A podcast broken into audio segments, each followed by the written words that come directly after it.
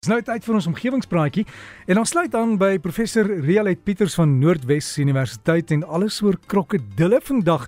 Rialet, goeiemôre. Môre Derek en luisteraars. Vandag se ietwat ontstellende onderwerp het op 9 Augustus aanlyn in Proceedings of the Royal Society B verskyn en is gedoen deur navorsers van die Universiteit van Lyon in Frankryk. Hulle wou weet of die alarmgeluide wat deur diere gemaak word wanneer 'n nood of 'n angs verkeer deur ander spesies korrek geïnterpreteer kan word en of is die klanke spesies spesifiek en kan eintlik net deur lede van dieselfde spesies akkuraat verstaan word. Hulle het klankopnames van ontstelde mensbabas, bonobo en sjimpansee babas aan nylkrokodille voorgespeel en gekyk hoe die diere daarop reageer. Hulle opnames het 12 mensbabas se huilgeluide bevat, 6 bonobo babas in aanhouding in Europese dieretuine en 6 vrylewende sjimpansee babas van Uganda. Die mensbabas was so tussen 2 en 5 maande oud, die bonobos tussen 1 en 4 jaar en die sjimpansee babas ook onder 4 jaar oud. Die oorsake van die huilgeluide was van verskillende grade van dringendheid. Die opnames van die mensbabas was van babas wat huilerig was rondom badtyd in hulle ouerhuise. Dis nie 'n groot noodsituasie nie. Tot babas wat inentings ontvang het in 'n gesondheidsorgfasiliteit. Hier was die nood natuurlik meer intens.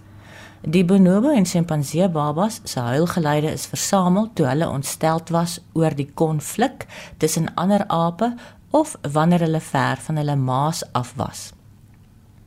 Die navorsers het al die klankopnames geanaliseer en 18 akoestiese kenmerke waarmee die verskillende grade van nood waarin die huilende babas verkeer het, beskryf kon word.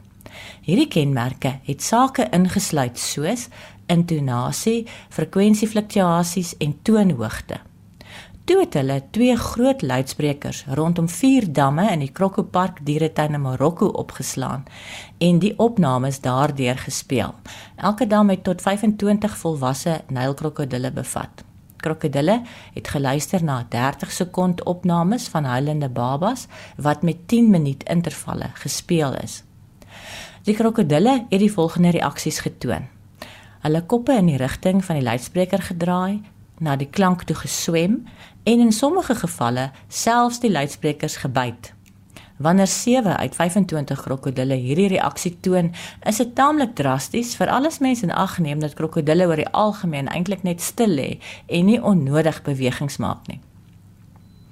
Die kenmerke van die huilgeluide waarop die krokodille die heftigste gereageer het, het meer onreëlmatige geluide ingehaat of soos wat die artikel daarna verwys, vokale grofheid, frekwensiespronge, intense energie by die hoër frekwensies en ook klanke wat abnormaal was vir daardie dier se stembande.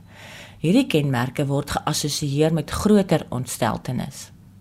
In 'n vroeër studie wat in 2017 in Biological Journal of the Linnaean Society verskyn het, is mense gevra om na dieselfde opnames as wat in die 2023 studie gebruik is te luister om te besluit in hoe groot nood die primaat baba was.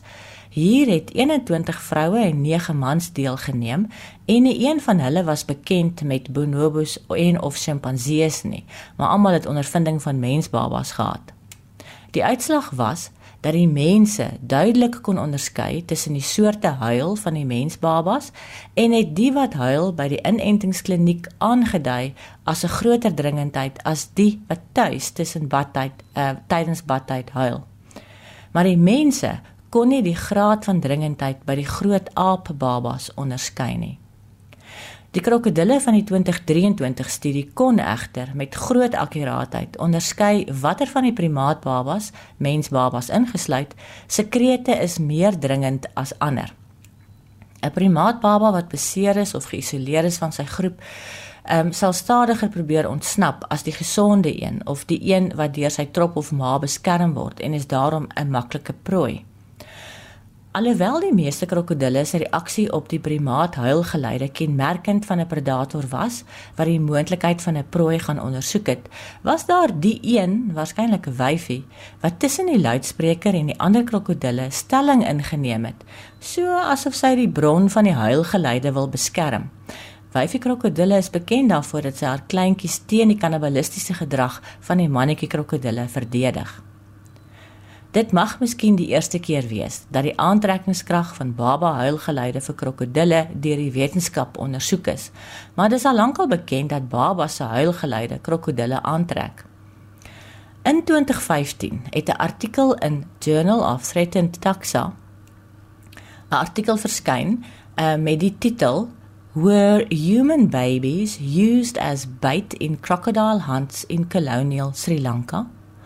In hierdie artikel verwys die outeurs na ou Londense koerantartikels van 1888 waarin beweer word dat 'n Europese jagter 'n baba van die inheemse bevolking sou huur om as aas te gebruik om krokodille uit die water te lok en dan die krokodil dood te skiet. In 'n koerant uit Ceylon, dis nou die ou naam vir Sri Lanka, sou die advertensie glo gelees het: Babies wanted for crocodile bait will be returned alive. Soortgelyke praktyke is blykbaar ook in Amerika opgeteken vroeg in die 1900s toe hulle van alligators ontslae wou raak. Die outeurs van die 2015 artikel wou hierdie beweringe oor koloniale Sri Lanka se verlede, se tydperk van 1802 tot 1948, verder ondersoek en het alle geloofwaardige geskiedkundige aantekeninge uit Sri Lanka self oor daardie tydperk in diepte ondersoek.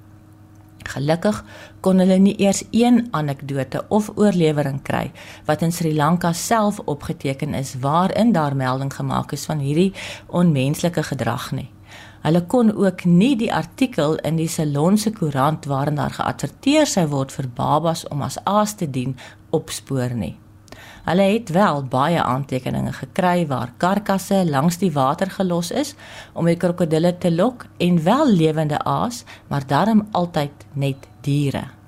Ek het op omgewingspraatjie se Facebookblad foto's geplaas van die twee krokodil spesies wat in Sri Lanka gejag is en ook die een van die Nylkrokodil. Gaan kyk 'n bietjie. Jo, half skokkend daar wat die ou mense gedoen het, né? En dit dan ons omgewingspraatjie. En as jy wil kontak maak, jy kan e-pos of of jy kan gaan kyk op hulle Facebookblad om omgewingspraatjies.